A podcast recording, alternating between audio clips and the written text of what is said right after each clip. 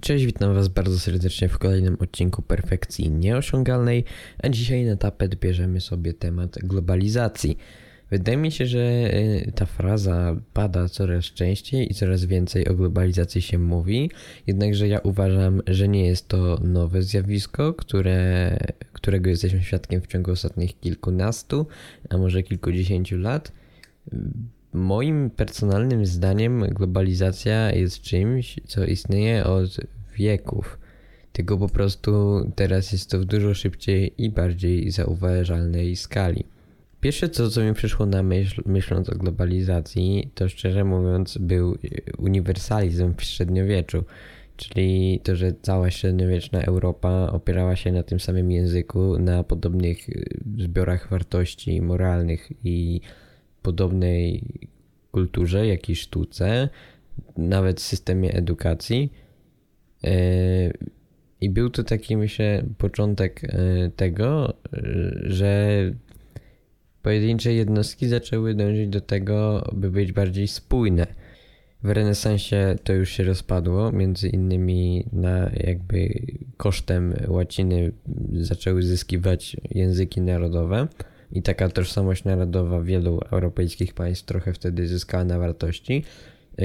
Nie, nie było to aż taka wspólnota, myślę, jak średniowieczna, jak w średniowieczu, jak średniowieczna Europa, ale na przykład y, zaczęto dbać o ochranianie dóbr przeszłości i jako, że łacina przez całe średniowiecze uprościła się, zwulgaryzowała się, to renesansowi myśliciele stwierdzili, że trzeba tą łacinę zacząć ochraniać i żeby było, to była to jakiś swego rodzaju zabytek dla przyszłych pokoleń.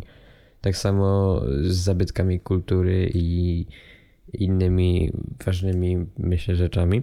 W sumie myśląc jeszcze o łacinie, to przechodzi mi na myśl też Esperanto, e, czyli język, którym próbowano po prostu wybić wszystkie inne języki, by wszyscy mogli mówić tym samym językiem. E, nie udało się to, a myślę, że miałoby prawo, tylko jeśli stałoby się to naturalnie, a nie po prostu na siłę, bo jednak są to dość poważne przemiany, mm, ale na pewno ułatwi to przekazywanie informacji i komunikację.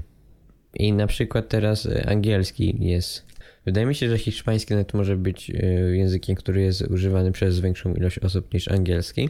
Aczkolwiek angielski jest takim głównym językiem i na przykład z niego mamy dużo neologizmów, które są właśnie zapożyczeniami zazwyczaj z języka angielskiego. W ogóle w języku angielskim też trochę rzeczy się wywodzi z łaciny właśnie, ale jeżeli mówimy o naszym rodzimym polskim, no to zauważyłem, że pewnie nie tylko ja, że coraz więcej używamy neologizmów, które są zapożyczeniami. Niektóre są tak trochę na polski przetłumaczony, są spolszczone, na przykład komputer z komputer, a na przykład powerbank jest powerbankiem i nie otrzymał on jakiejś polskiej nazwy, która by się na przykład przyjęła typu magazyn mocy. Szanujmy się, to nie brzmi dobrze. I moja personalna teoria, która być może jest trochę utopijna i trochę niemożliwa, ale w takim tempie, jak będziemy przyjmować coraz więcej słów, yy, które będą zapożyczone głównie z angielskiego, coraz więcej osób będzie się uczyć tego angielskiego, to jest to możliwe, że prędzej, znaczy się później niż prędzej, wiele języków naprawdę straci dużo na korzyść właśnie angielskiego. Czy będziemy wszyscy na świecie mówili w jednym języku?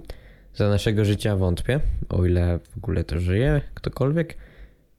Ale myślę, że później niż prędzej jest to jak najbardziej możliwe, chyba że znowu coś się stanie i jednak ten pomysł, ta idea albo po prostu naturalny rozwój jeśli chodzi o rozmawianie w jednym języku, legnie w gruzach. Tutaj mam nawet listę słów, które są zapożyczone z języka angielskiego, a których się używa. Niektóre są spolszczone, niektóre nie, ale na przykład takie słowa, takie frazy jak beneficjent, biznes, businessman, businesswoman, content, holding, leasing, leader, logo, marketing, manager, monitoring, PR, ranking, sponsor, storytelling – target targetować, targetowanie. Nie mówiąc już na przykład o jedzeniu, cheeseburger, chipsy, e, drink, fast food, grill, hamburger, hot dog, lam, lemoniada, lunch, popcorn, smoothie, toast. No i kultura, rozrywka, audiobook, bestseller, blog, dubbing, event, happening, heavy metal, horror, hit, hobby, jazz, musical, old schoolowy. Nie, że musical, old schoolowy to są dwa inne słowa. Musical i coś old schoolowego. Podcast właśnie. Teraz myślę, że podcast też się trochę spo, spolś, spolścił. Spolścił, tak, tak się chyba mówi, nie? Spolścił. I na przykład podcast albo podcast przez K można napisać i myślę, że to jest teraz jak najbardziej poprawne. W końcu mamy jakieś słowo, które zostało spolszczone. Science fiction, videoclip, webinar, vlog. No, webinar. No, bardzo. Widać, jak bardzo to jest zapożyczone. No nie mówiąc już o e-mailach, folderach, googlowaniu, hejtowaniu, hejt. To jest właśnie trochę też już spolszczone, bo mamy hejt po prostu hejty. Nie w sumie myślę, że większej ilości słów nie ma co przytaczać. Mm, na to na pewno miały wpływ takie rzeczy jak to, że nowe wynalazki i zjawiska trzeba po prostu jakoś nazwać e, i najlepiej zrobić to prostu zapożyczając coś z innego języka, gdzie ktoś już to nazwał. Czy najlepiej? Najprościej, tak naprawdę nie najlepiej. Najprościej jest to zrobić po prostu zapożyczając to z innego języka, czasem to sproszczając, a czasem po prostu jeden do jeden. Więc rozwój technologii, y, rozwój wszystkiego, możliwość przepływu informacji na pewno miał na to ogromny wpływ, ponieważ szybciej wymieniamy się wszystkim, szybciej nowe słowa i nowe technologie napływają do wszystkich krajów i są potrzeby językowe, by dane rzeczy nazwać. Tak samo jak kultura, to na przykład kino. W ciągu ponad 100 lat, bo pierwsze, za pierwsze filmy są znawane filmy braci Lumière, które miały premierę w 1895 roku. Dokładnie bodaj koniec grudnia to był. Możliwe, że 25 w kawiarni w Paryżu. Te filmy braci Lumière miały premierę. I od tych ponad 100 lat, teraz nawet 128, dokładnie 128. Jednak y, myślę, że to na pewno pozwala na rozprzestrzenianie się kultury, która jest podobna w wielu krajach dzięki właśnie, że tak powiem, hollywoodzkim produkcjom, blockbusterom albo innym blockbusterom, które kreują pewne wzorce kulturowe jednocześnie na całym świecie. Wiadomo, w różnym stopniu i w różnym zaawansowaniu, zależnie jest to myślę od kontynentu. Jednakże te same wzorce kulturowe są dostępne na masową skalę w wielu miejscach. Mamy też jednak pewne wyjątki, jak na przykład myślę, że produkcja e, w Indiach. W ogóle Indie produkują najwięcej kontentu na świecie, co myślę nie jest aż takie oczywiste, jednakże ma to sens, że właśnie Indie produkują aż tyle kontentu, że jest to największa liczba na świecie. I oni jednak tak mają tą swoją kulturowość, to kino Bollywood jest jednak specyficzne. Mm, I też nie wszystkie bollywoodzkie filmy są dostępne na całym świecie, tak jak na przykład filmy Hollywood, Hollywood, America, Burbank, California, Los Angeles. Mhm, tak jest. Już nie wspominając o tym, że jednak yy, mamy też nasze polskie filmy. Czasem są to lepsze produkcje, czasem gorsze. Chociaż ostatnio, moim zdaniem, polskie kino ma bardzo dobry czas i bardzo dobrze w nim jest. Jednakże mówię tutaj o tym, że trendy, wzorce wszystkie inne rzeczy przekazywane przez popkulturę na całym świecie są jakoś ze sobą powiązane i wpływają na ludzi podobnie. I to jest chyba ta cała globalizacja, o której się mówi. Czy jest to do uniknięcia? Myślę, że ma to. Myślę, że tak, ale myślę, że to ma plusy, mimo swoich minusów również.